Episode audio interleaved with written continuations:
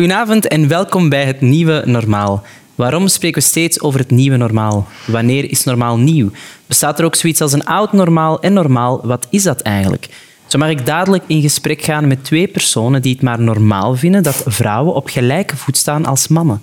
Mijn ene gast heeft de voorbije jaren heel wat films en tv-series gemaakt. Tegelijkertijd gaf mijn andere gast het beste van zichzelf, gaande van theater tot op de set van film en televisie. Hoe zij hun stem gebruiken voor een inclusief filmlandschap en zo de wereld van morgen willen vormgeven. Dat en zoveel meer bespreek ik het komende uur graag met Cecilia Verheijden en Aminata Demba. Doe, doe maar. Doe maar gewoon. Wie, bepaalt? Wie bepaalt de norm? Wie bepaalt de norm? Dag Cecilia, dag Aminata. Hallo. Hallo. Fijn dat jullie erbij zijn.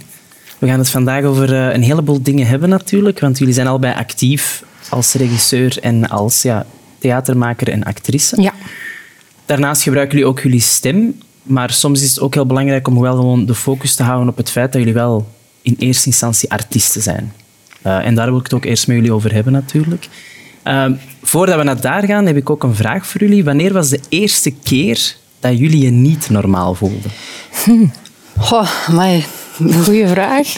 Ik denk dat ik me altijd wel normaal heb gevonden, maar ik denk dat ik wel op een bepaalde leeftijd eh, geconfronteerd ben geweest met het feit dat er een wereldbeeld bestaat over bepaalde mensen en dat die dat projecteren. Het niet-normale of het abnormale of het anders. Maar dat is nooit iets van, van binnenuit geweest. Ik heb mij van binnenuit nooit abnormaal of heel... Dat is anders gevoeld of zo. Van nature. Hè? Dat is echt de projectie van buitenaf. Dat, dat maakte van, ah, wacht eens. Ik word hier anders geperspe- eh, ge- eh, gezien dan Ja. hoe ik mezelf ervaar in deze wereld. En dat is wel Kijk, een mij confrontatie geweest, ja. Bij mij denk ik dat dat wel teruggaat naar mijn jeugd. De, ja, zo de puberteit. Zo het moment, ik ben opgegroeid met drie broers eh, in een familie met heel veel jongens. En waar was jij? De derde. De derde. De derde. Dus er kwam een moment dat mijn broers zo wat over meisjes begonnen te praten op een bepaalde manier. En ik dacht, maar oh, ik ben zo geen meisje. Ehm, ik ben precies een ander soort meisje of zo. Of ik ben niet zo dat typische vrouwelijke meisje waar dat zij het over hebben, terwijl ik mij wel een meisje voel of zo. En ik weet dat daar wel zo heel wat vragen zijn gekomen bij mezelf, omdat ik rondom mij, mijn vriendinnen waren ook heel vrouwelijk en ik was zo wat meer jongensachtig. En tot op een bepaalde leeftijd is dat jongensachtige oké en dan toch begint dat zo toch wat op te vallen of zo. Ehm, dus ik denk dat dat teruggaat naar die tijd. Grappig, want bij al mijn gasten is dat ongeveer hetzelfde. Bij mezelf ook. Dat het altijd op een bepaalde leeftijd was dat je eigenlijk zelfs niet bewust bent. Dat, dat je daar zelfs niet mee bezig bent. Want ja, ik zou zeggen, het voelt natuurlijk aan. En vanaf dat je ziet hoe dat de, de ander naar je kijkt natuurlijk, verandert ineens die perceptie rond oei, ben ik wel normaal of zijn zij niet normaal? En dan, afhankelijk hoe je daarmee omgaat natuurlijk, kan dat een lange lijdensweg zijn. Ja. Nog zo'n lijdensweg. Jij hebt wel, eh, ik weet niet of dat het een lijdensweg was, maar jij bent wel gewoon ja, naar school gegaan voor regisseur te worden. Hoe is dat traject verlopen? Heb je daar een fijne ervaring aan overgehouden? Aan de opleiding zelf bedoel Ja. je? Ja, ik heb daar wel een goed gevoel aan overgehouden. Dat was ehm, niet zo evident in mijn familie. Om, ik denk dat dat in veel families niet evident is om naar de filmschool te gaan, omdat daar altijd zo over gezegd wordt, ja, dat is geen toekomst, je gaat je geld verdienen. Ehm, maar ik ben wel blij dat ik dat heb gedaan. Ik moet zeggen dat ik ook wel een beetje een seut ben, dus dat ik zo wel echt naar alle lessen ging en alles eruit haalde, zelfs nog extra dingen vroeg aan docenten en dat ik daar eigenlijk heel veel heb, eh, heb uitgehaald. Ehm, ik voelde mij wel een beetje anders dan de anderen, ook daar misschien zo, omdat iedereen was heel hard met kunst en kunst maken en heel... eh, ehm, ja, eh, zag zichzelf heel hard als kunstenaar, terwijl ik dat nog altijd moeilijk vind om mezelf als kunstenaar te zien. Of zo. Vandaag nog ook steeds? Ja, of, eh, ja, ja, ja. Ik zal, ik zal dat niet zo snel zeggen over mezelf. En ehm, dat ik zo wel mij afvroeg van...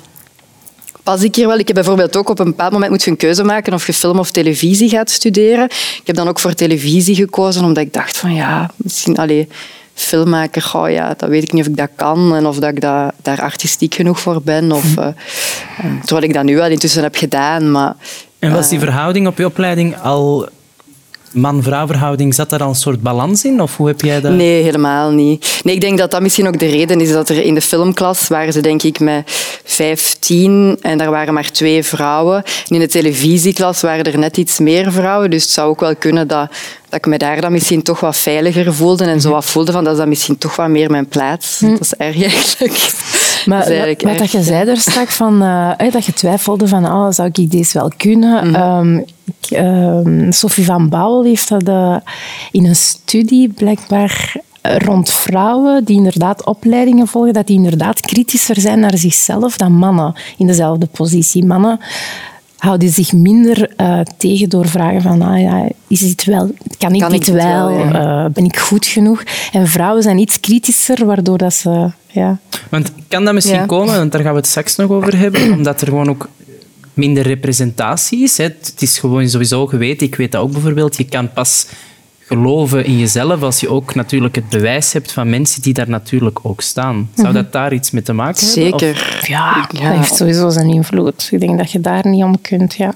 Want heb jij altijd geweten als kind dat je op het podium wilde staan en film en televisie en spreker wilde zijn? En... Ja, Ja? ehm, altijd. Ik heb dat vroeg geweten. Dus ehm, ik denk dat mijn allereerste podiumervaring was voor mijn negen, dat weet ik. Ehm, in de Kleinstraat ging ik op school en dat was zo ja, een jaarlijks kinderfeest. En dat was zo mijn eerste podiumervaring. Maar toen had ik die klik niet. Ik denk dat dat bij mij echt is gekomen eh, later, op, rond mijn tien jaar met een Sinterklaasfeest.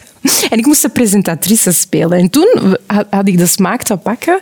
En dan een jaar later weer al door naar een film te kijken en echt thuis in mijn zetel helemaal ontroerd te zijn. En ik dacht, dit wil ik doen. En toen was dat acteren. Dan zei ik van, ja, ik wil actrice worden. Maar eigenlijk wou ik voornamelijk mensen ontroeren via het medium televisie eigenlijk. En nu maakt het eigenlijk niet uit via welk medium. Eh, het, is, het is vooral dat gevoel van dat je iets doet via een bepaald medium en dat je daarmee mensen raakt. Ik denk dat dat dus breder is geworden. Ja, en dat doe je ook, want Pelikaanstraat 20 is uh, ja, film, docu die jij gemaakt hebt eigenlijk. Mhm. Uh, waarin jij, ja, jij kan het denk ik beter vertellen dan ik, waarin dat je op zoek gaat Ja. naar je vader Ja. en zijn verhaal hier natuurlijk in België.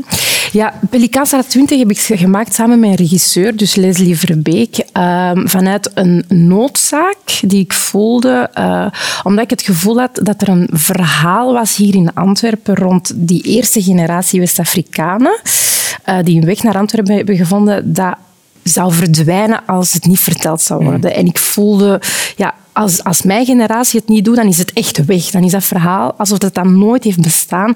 Want je komt het niet tegen in boeken, in documentaires, in films.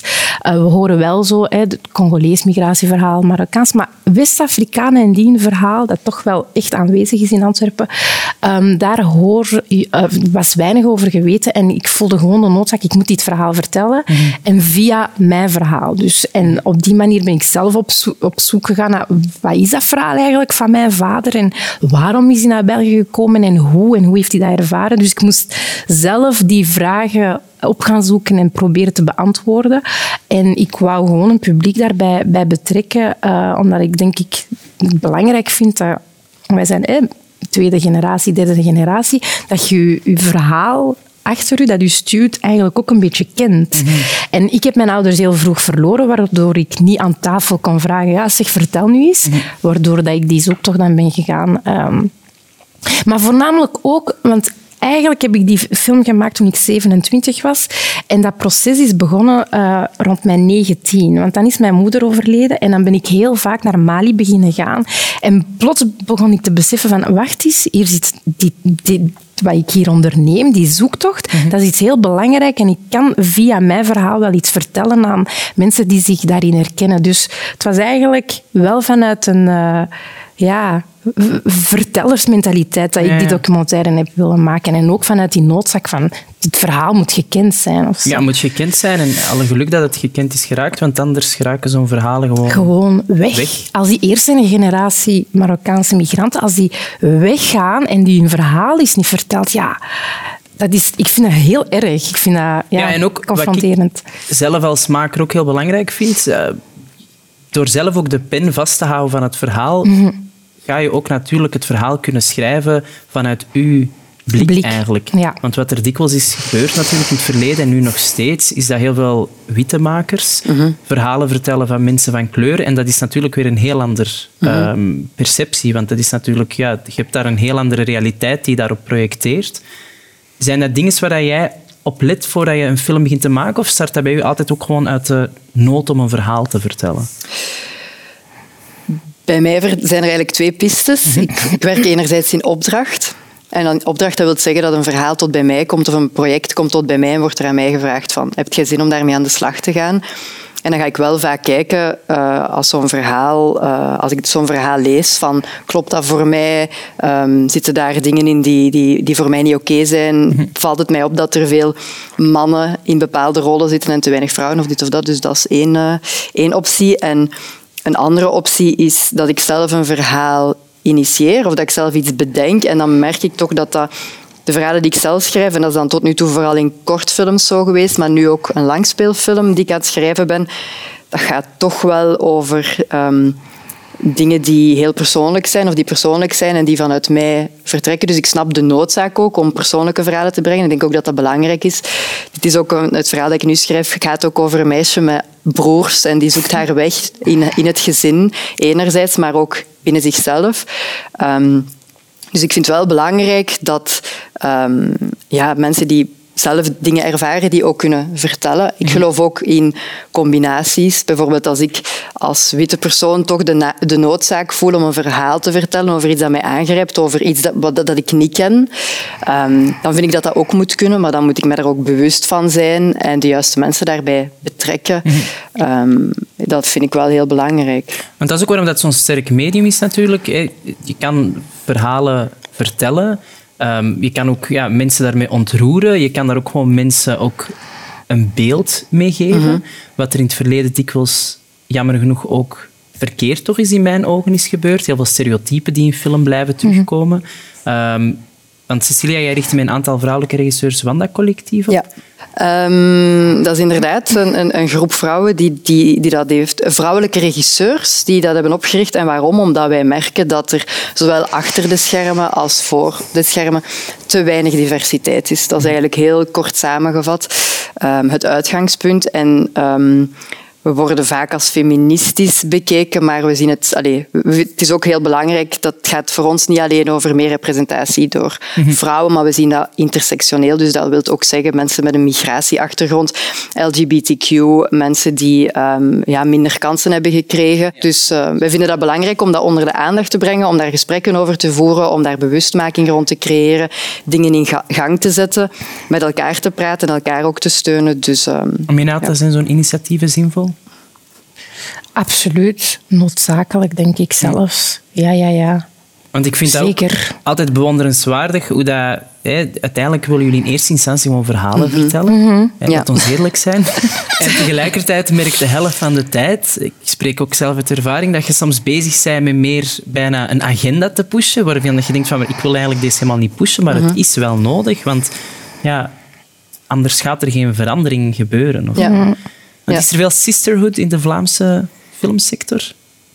Ah, wel, ik denk steeds meer. Ik denk dat we ehm, sowieso als regisseur heb je, ben je vooral met je eigen projecten bezig. En ik kom daardoor niet zoveel in contact met andere regisseurs. En dat was denk ik voor mij ook, als ik heel eerlijk ben, een beetje een zwart gat, omdat ik wel veel projecten had eh, en mij niet te veel vragen stelde, tot je je toch op een dag vragen begint te stellen. En dan kun je het ook niet meer niet zien dat er een probleem is. En dan begint je toch gesprekken te voeren en dan leert je andere maaksters kennen. En dan... Ik heb wel het gevoel dat met Wanda dat absoluut eh, ontstaan is. En daar wordt veel eh, onderling gecommuniceerd en eh, dingen opgemerkt en dingen in gang gestoken. En iedereen gebruikt zijn talenten en, en, en connecties om dingen te doen bewegen. Dus ik heb dat gevoel wel, ja. Ja. Ja, ik, ben, ik, ben, ik spreek mee- meer vanuit actrice. Dus, eh, want in de filmwereld hebben we natuurlijk echt wel bubbels. En ja, regisseurs gaan elkaar makkelijker vinden. En dan denk ik dat ik meer kruis met, eh, met, met acteurs of zo. Ik kom ook echt van de theaterwereld.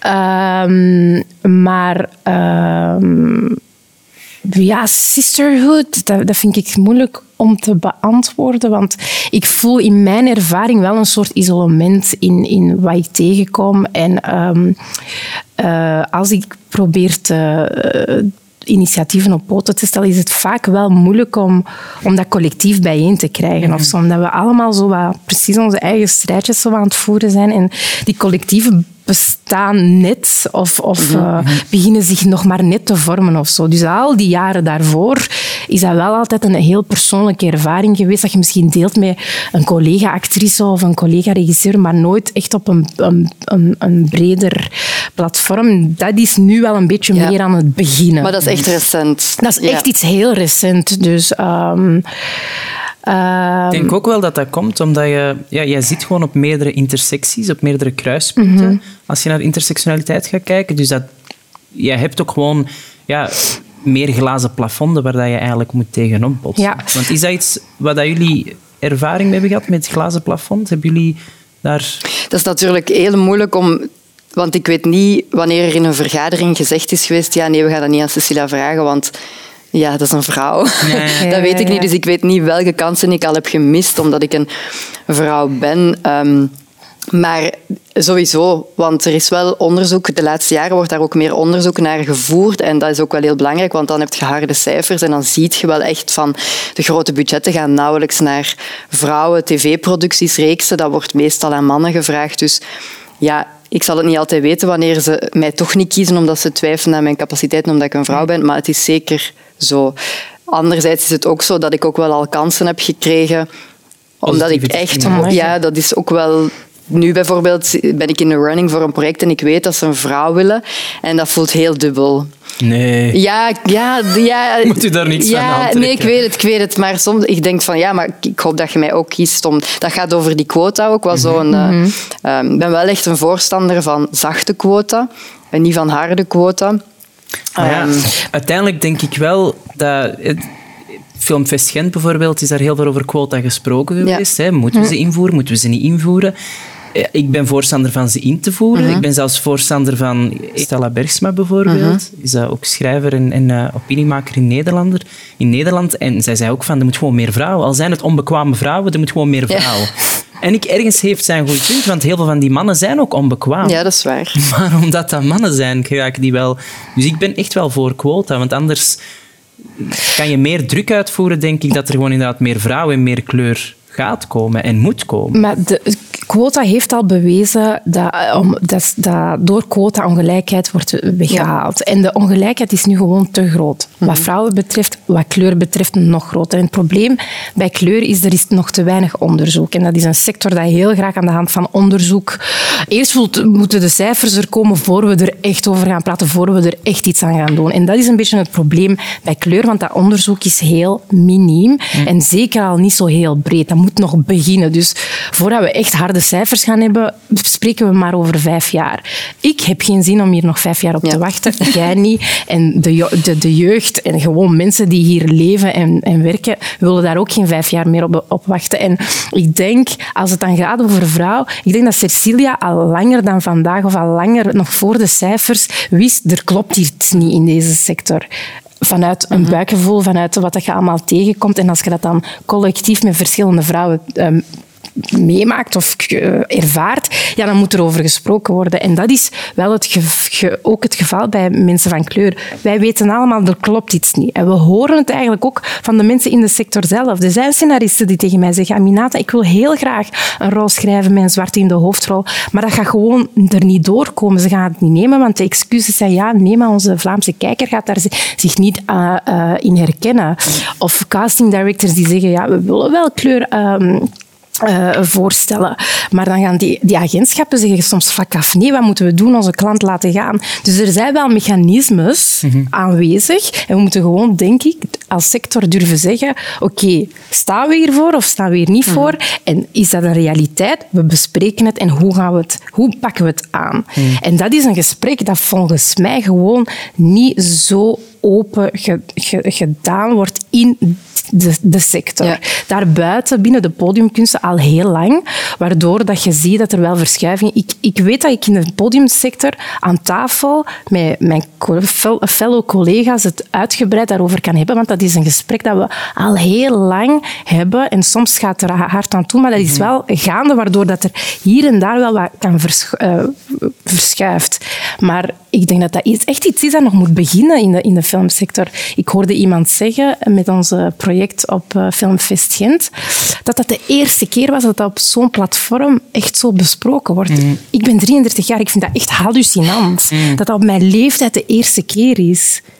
Want- Omdat ik hier ben geboren en getogen en ik weet, ik ben niet de enige. We zijn hier derde, vierde generatie. En ik weet dat er heel veel mensen voor mij zijn geweest. Dus ik verschiet ervan dat dat gesprek op dat platform eh, Nu nu pas. op, op, op die manier wordt gevoerd en dan nog is er heel veel weerstand. Dan nog is er nog, ja, maar bewijs het is met cijfers. En op wat is dat gegrond?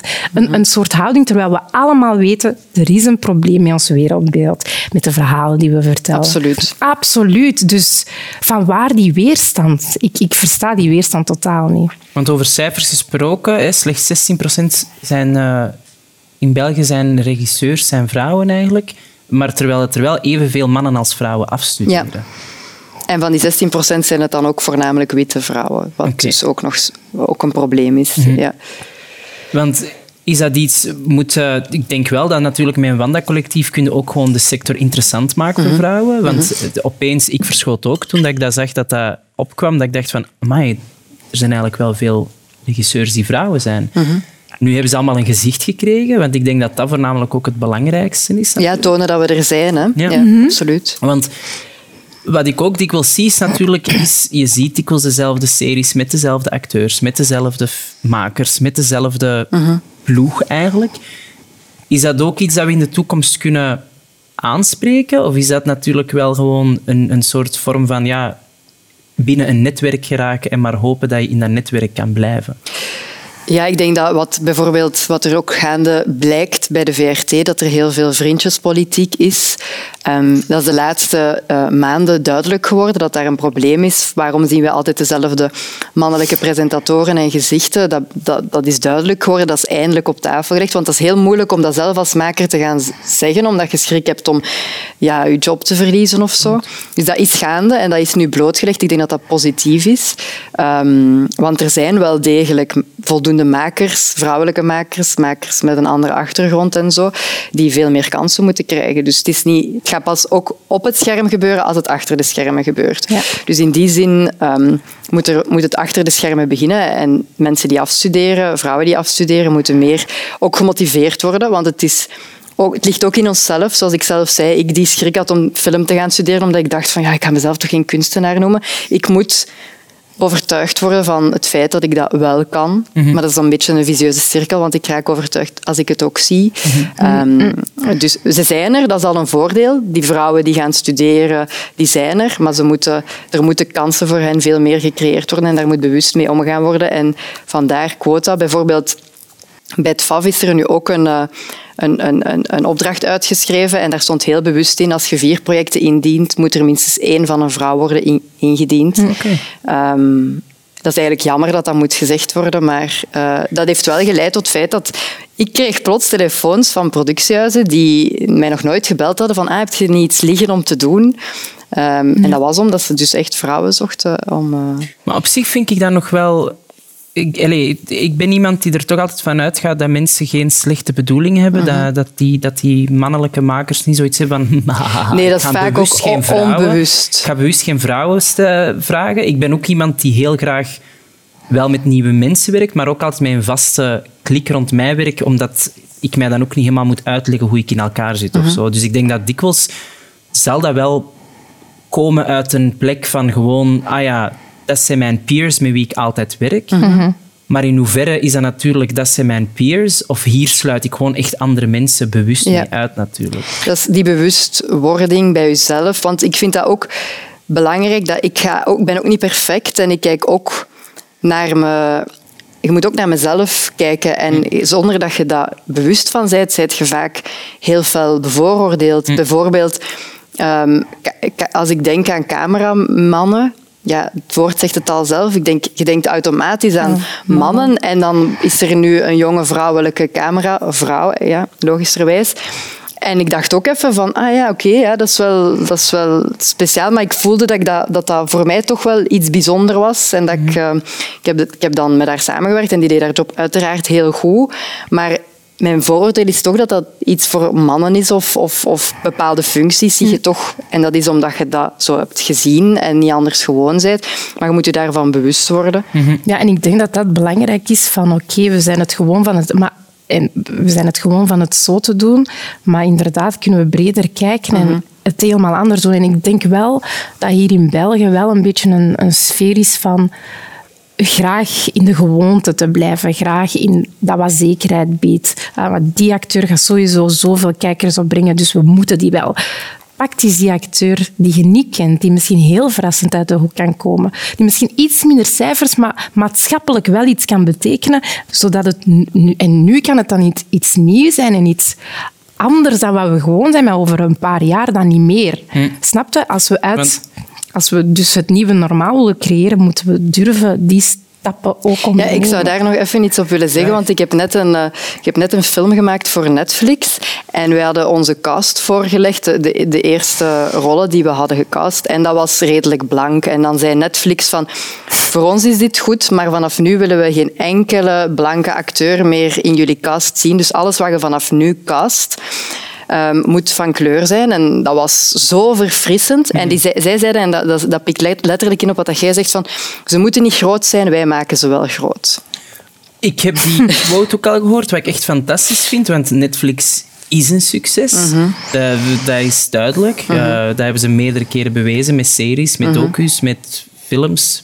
Eenders wat. Niet alleen één seizoen, twee seizoen, maar echt winnen er ook prijzen mee. Dus dat is toch ook gewoon een mentaliteitsverandering, gelijk dat jij zegt, waarin dat je niet in die gewoonte blijft, waarin dat je inderdaad het olijke zwartje zult, zult vragen Ja. voor een rol te spelen en, en de overdreven homo die een rol moet komen spelen, maar die mensen gewoon in hun diepte en in hun waarde laat en een volwaardige personage laat Ja. spelen. Eigenlijk. ja. Ik denk dat het echt, echt het blootleggen is van hoe het nu werkt.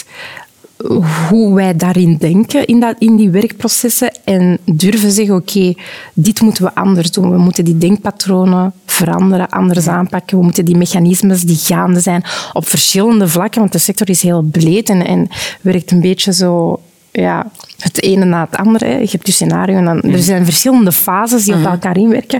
En, en dat durven bevragen en zien, oké, daar zitten de knelpunten bij Maar ja, dat zijn we al aan het doen, want hè, tijdens Filmfest Gent was ook Sophie Van Baal was daar met een keynote speech, waarin dat ze sprak over het Old Old Boys Network. Mhm. Dus een netwerk van, ja, hoort zich het zelf, van oude jongetjes, Ja, ja, ja. die eigenlijk constant elkaar ja, versterken, blijven in stand Dat is wat er bij de VRT gaande was de laatste jaren. Want hoe kunnen we dat veranderen? Hoe, is dat misschien in het nieuwe normaal iets waar dat we eigenlijk gewoon daar ook eh, meer nee moeten durven tegen zeggen? Of betekent dat dan ook jammer genoeg voor ons als makers dat wij geen werk hebben?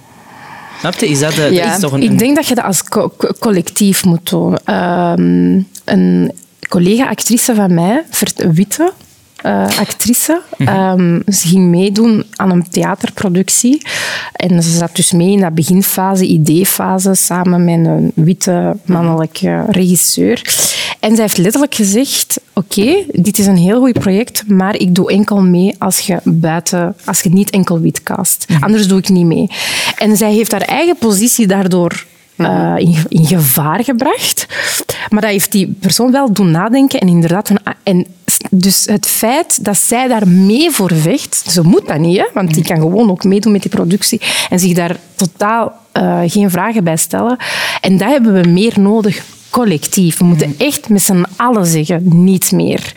We moeten echt zeggen, hier staan we niet meer voor. Dit, dit, dit zou eigenlijk niet meer mogen anno 2020. En dan gaat het wel werken. Maar als we allemaal apart, apart, apart en ik strijd voor mijn, mijn gevechtje en zij voor haar, ja, dan Ja, denk ik dat het nog heel lang gaat duren. Snel, ver- snel hoort je zo van, ah ja, maar je bent gewoon een gefrustreerde vrouw die geen werk krijgt en je steekt het op het vrouw zijn. En daarom, allee, ik heb voor mezelf ook wel beslist van oké, ik ben nu 13 jaar als regisseur aan het werken. Ik weet wat ik kan, de mensen weten wat ik kan.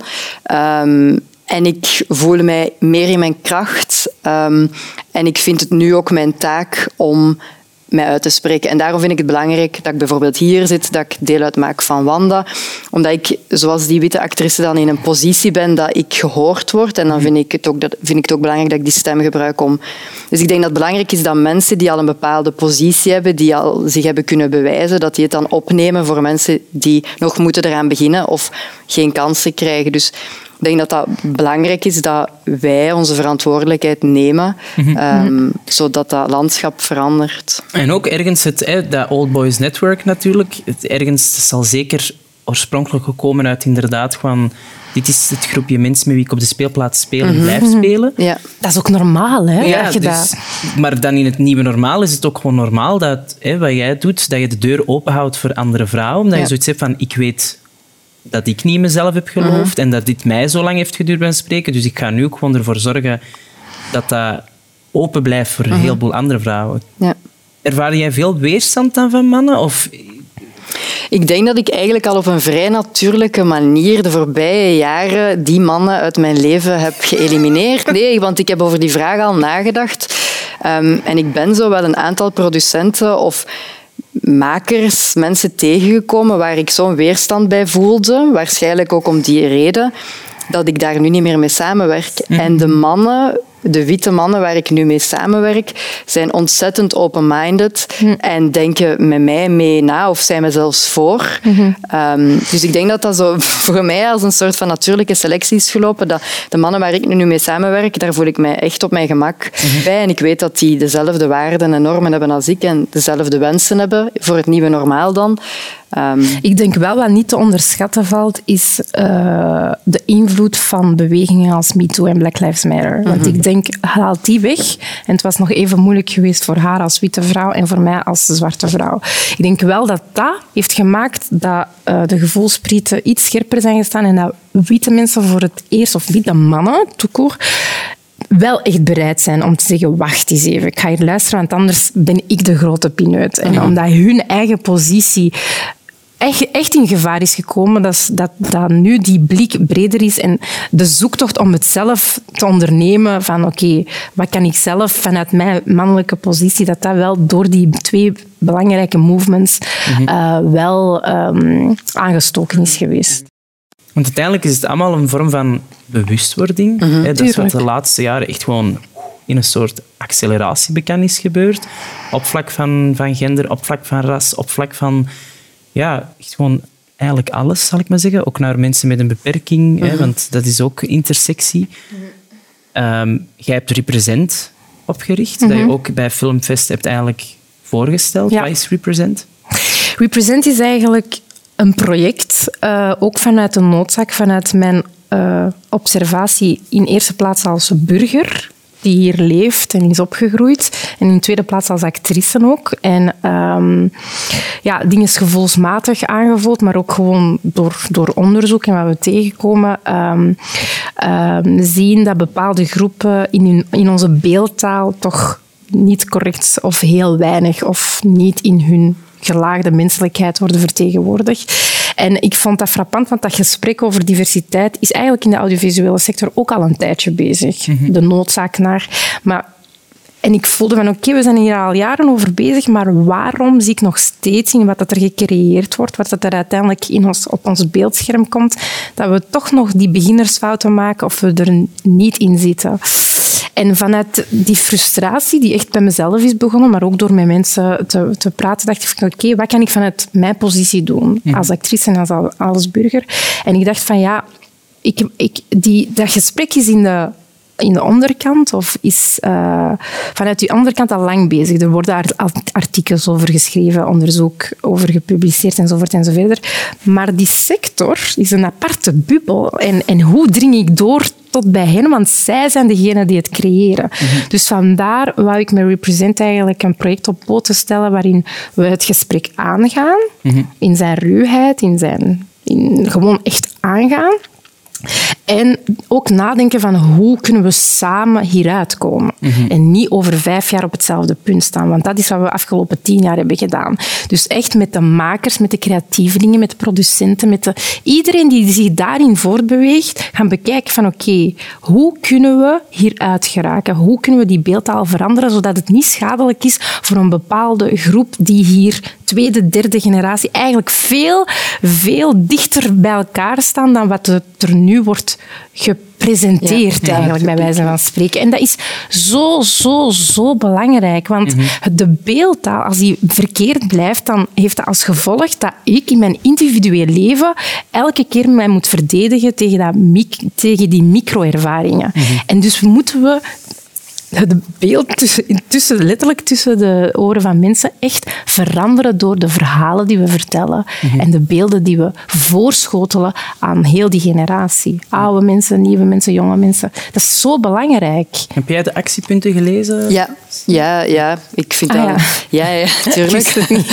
Ehm, ja, ik vind dat een ontzettend eh, waardevol document. Omdat, En dat heb je hier al een paar keer gezegd.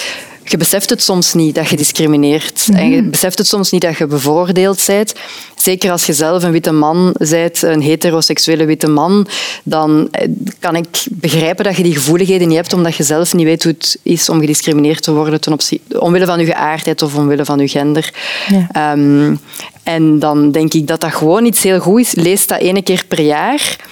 Registreer dat, houd dat in je achterhoofd. En elk document, elk dossier, elk project dat binnenkomt, zult je op een andere manier doornemen en je daar misschien bewust van worden. Dus Maar ik dan komen we een... terug naar die quota. Bijna. Allee, die beeldtaal is, is iets... Enerzijds quota van wie zit er in mijn team? Mhm. Heb ik genoeg ehm, eh, diversiteit? Oké, het is soms het woord is zo... Allee, het is op de Mensen van kleur, ja. Heb ik gewoon genoeg eh, verscheidenheid Mhm. in mijn, in mijn team? Zijn het niet allemaal mensen die zoals mij zijn? Mhm. Dat is, kunnen we quota's op doen, maar tegelijkertijd, ja, welke verhalen vertellen Mhm. we?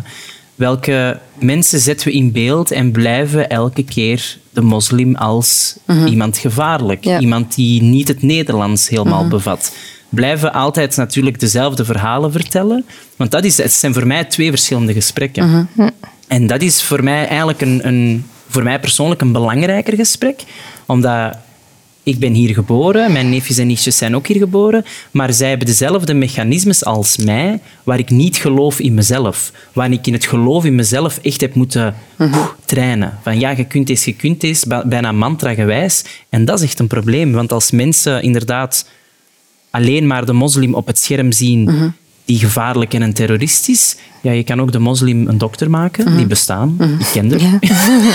je kan ook de moslim een advocaat maken. je, kan de mos- je kan de moslim eigenlijk alles maken. Ja. Snap je? Ja, ja, ja, ja, En, ja. en die, die, die, die frustratie leeft bij mij heel hard. Dat ik Ja. denk van, maar dat klopt gewoon ook niet meer met de realiteit. Nee, ah, wel, dat is het. Het is niet alleen dat het, eh, dat het jammer is omdat je bepaalde verhalen niet vertelt, maar je kijkt naar televisie en dan wandelt je buiten en dat is iets helemaal anders. En dat klopt gewoon niet. Dus dat, dat ja. Ja, en het is niet alleen dat het niet klopt, het is echt heel nefast voor elke generatie die dat moet meemaken. Voor de eerste generatie, voor wij, voor, want ik ben intussen...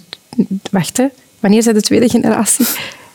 Als, u, als jij hier bent geboren. Ah ja, voilà, voor mij, voor de kinderen. En als we dat blijven doen, blijft dat heel nefast en krijgen, hè, wat dat jij net hebt uitgelegd, hè, dat die onzekerheid bij jezelf vertrekt, terwijl dat, dat niks te maken heeft met jezelf, maar het heeft te maken met dat systeem rondom je.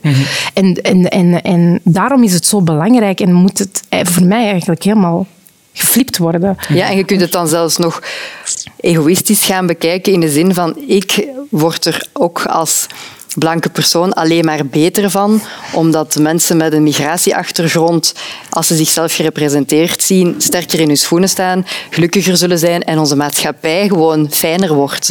Dus ik denk dat dat begint op dat televisiescherm of op dat podium of op, in die film, maar dat dat een echte grote invloed heeft op ons als maatschappij en dat we daar uiteindelijk allemaal plezier van zullen hebben. Ja, want ik denk, de vraag is ook gewoon... Ja, jij hebt bijvoorbeeld twee jaar geleden de State of the Arts heb je Ja. gedaan, eh, samen met Aisha Cissé. En wat mij voornamelijk bijbleef, was wel... Er zijn twee of drie keer meer acteurs die afstuderen dan, eh, twintig jaar geleden, dacht ik. Natuurlijk. Zitten wij met een overzadigde markt? Alleen met een overzadigde sector die eigenlijk gewoon veel te veel mensen heeft en eigenlijk te weinig Ja. posities? Ik denk wel dat... eh, eh, dus er zijn heel veel mensen die de ambitie hebben om acteur of actrice te worden, maar de rollen zijn eigenlijk niet zo heel veel. Er, er kunnen niet oneindig veel films gemaakt worden of oneindig veel theaterproducties. En we zijn echt met heel veel. Dus het is sowieso voor elke acteur of voor elke actrice of elke regisseur echt wel vechten voor dat postje. En dan hebben we nog die andere mechanismes. Ja. Dus het is, dat maakt het wel heel moeilijk. Komt het nog goed, eh, Cecilia, met de Ja, filmsector? ja. Ik hoop het, want ik Ja. heb net een productiehuis opgestart. Ja, het zijn, het zijn gekke tijden, maar ik merk wel eh, zelf dat mensen, cult- mensen kunnen gewoon niet zonder cultuur. Dus het gaat gewoon, het gaat misschien wat koerswijziging kennen, maar het kan niet dat het plots gedaan zou zijn met film, tv, theater, muziek. Ehm, dus ik ga ervan uit dat wij nog lang blijven bestaan. En de film, de film bijvoorbeeld is al heel vaak doodverklaard. Hè, bij de komst van televisie, bij de komst van Ehm, ja, home cinema, gigantische systemen. En die heeft zich altijd terug kunnen heruitvinden. Dus ik ga ervan uit dat wij... eh, er is nog nooit zoveel tv gekeken. Ja, en dus, ook, ehm, het zoekt andere platformen op natuurlijk. Netflix hebben we het daar net even over gehad. veel streamingplatformen. Ja, absoluut. Wij hebben in Vlaanderen ook een, een, een Netflix. Of Mhm. toch, dat beweren zij. Stream. Maar waar Netflix natuurlijk mikt op het gegeven van... Hè, you don't have to be famous, we'll make you Mhm. famous. Mikt een streams toch duidelijk wel terug op gewoon lekker van bij ons. Ja, ik hoop wel dat Netflix de ogen opent van onze Vlaamse zenders. En dat, ehm, want als ik mezelf gerepresenteerd wil zien, dan zal ik sneller mijzelf terugvinden op Netflix dan op eender welke Vlaamse zender. En onze maatschappij wordt diverser, dus ze gaan het op een gegeven moment gewoon ook, denk ik, met hun rug tegen de muur staan van ah ja, niemand kijkt nog naar onze zenders, want ze vinden het allemaal. Dus op een gegeven moment gaan ze, denk ik, zelfs gewoon om te kunnen blijven bestaan en om financiële redenen die stap toch moeten zetten om diverser te worden. Maar de Ehm, realiteit is ook wel, ehm, en dat heb ik gehoord van een, eh, iemand die werkt bij een productiehuis, een jonge kerel die dan moet samenwerken met oudere bazen. En hij zei van, ja, kijk Aminata, ik geloof er heel hard in, maar het is gewoon nog niet dringend genoeg. Dat Ah, is wel, heel ja. hard om te Dat is zeggen, maar zeg. we hebben eigenlijk nog gewoon genoeg witte dus kijkers, Mhm. die, de producties die we maken, die, hè, waar zin in, die, zijn, die, die, die groep is nog breed genoeg. Dus als ik nu met dit project naar mijn bazen ga, is gewoon nog niet dringend genoeg. Misschien over 10, 20 jaar, maar nu nog niet. En dat is, en dat is een realiteit die er ook is en waar we moeten durven als sector dan tegenin gaan of in, de, in, in die, die norm blijven. En ik denk dat dat het gevecht is een beetje nu. Ja, het gevecht en ook gewoon, als ik zie... eh, ik heb ook, ehm, doordat ik mezelf niet zag in film en muziek, ben ik dat ook in het buitenland gaan zoeken. Mijn neefjes en nichtjes doen dat ook. Zie dat ook. Die kijken heel weinig Vlaamse televisie. Dus ofwel is dat een trend dat gaat blijven bestaan, dat natuurlijk die, die minderheden die eigenlijk nu de meerderheid zijn, ook zoiets hebben van ja, ik haak wel af.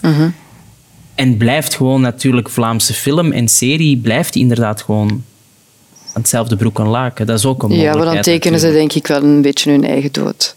Oké.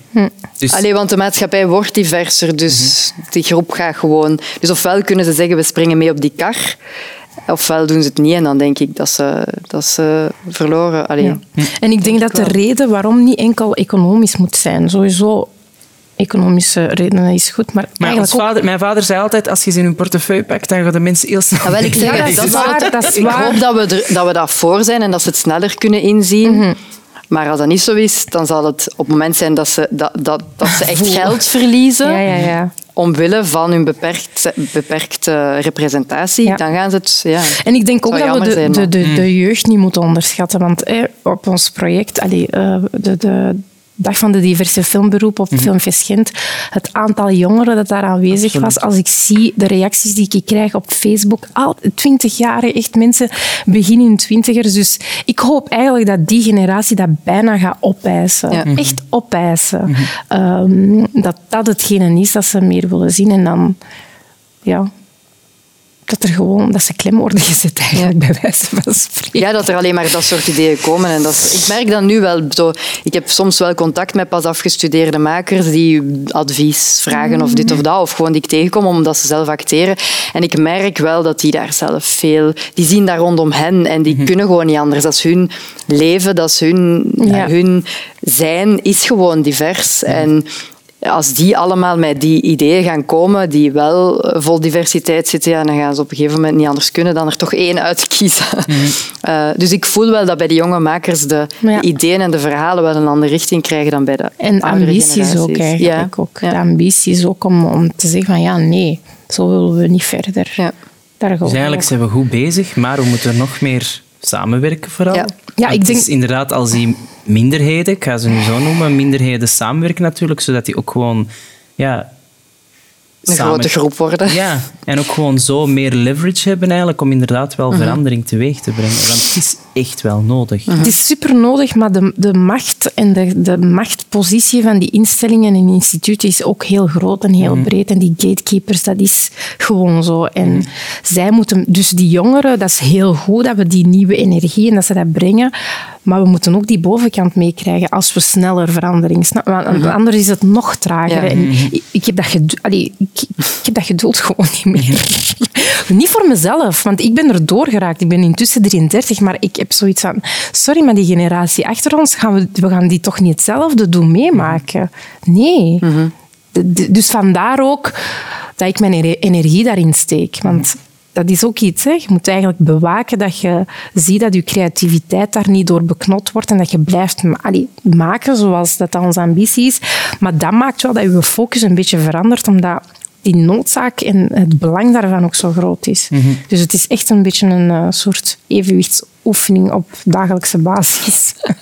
Maar iets zegt mij dat eh, jullie eh, met glans gaan lukken eigenlijk. Maar het is inderdaad Ja. jammer dat je nu gewoon eigenlijk 100% alles kunt geven Ja. in dat maakproces. Maar op zich, onze stem bij tijd en stond gebruiken en is gewoon de boom schudden. Ja. Gewoon is de ook boom schudden. Ja, dat is echt Ja, zo. ik vind dat ook. Dat is dat leuk. Ehm, ik wil jullie bedanken om hier eh, bij mij aan tafel te komen zitten en over Graag het nieuwe normaal te spreken en eh, wat er beter kan. Wij zijn al helemaal mee. We zijn helemaal mee. Nu de rest. Ja. Ehm, Aminata, Cecilia, dank je wel. Jij bedankt voor de uitnodiging. Ja. Heel graag gedaan. Dan rest er mij enkel nog eh, ja, de ploeg achter het Nieuwe Normaal te bedanken, jullie thuis. Ik ben Jawad, jullie gastheer, en alsjeblieft, wees alles behalve normaal. Tot ziens.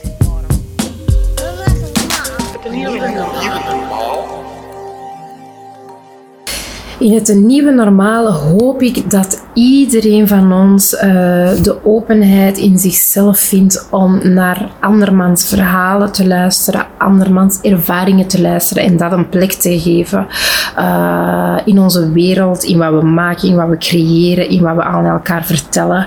En hoop ik dat we zo evolueren naar een wereld waarin iedereen een plekje krijgt, iedereen mag bestaan, eh, iedereen gehoord wordt, iedereen eh, zich herkenbaar ehm, kan voelen in wat we vertellen aan de hand van verschillende media, of het nu theater, film, boeken zijn, of, eh, kranten zijn, dat iedereen, ongeacht wie je bent, ongeacht je geslacht, je verhaal, je achtergrond, eh, waarin je gelooft, waarin je niet gelooft, eh, religie, dat iedereen een plekje kan krijgen en dat elk verhaal mag en kan bestaan.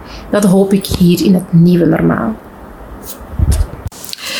Het nieuwe normaal. In het nieuwe normaal hoop ik eigenlijk dat ik mezelf tegenkom op het scherm. Dat ik vrouwen tegenkom op het scherm die boeiende rollen spelen. Dat ik eh, LGBTQ-mensen tegenkom. Dat ik mensen met een migratieachtergrond, met, eh, met eh, een beperking. Ik hoop dat het nieuwe normaal ongelooflijk divers is. Het Nieuwe Normaal is een realisatie van Shaman Productiehuis en co-producent Arenberg, in samenwerking met Undefined en Josephine Dalemans, met steun van de stad Antwerpen.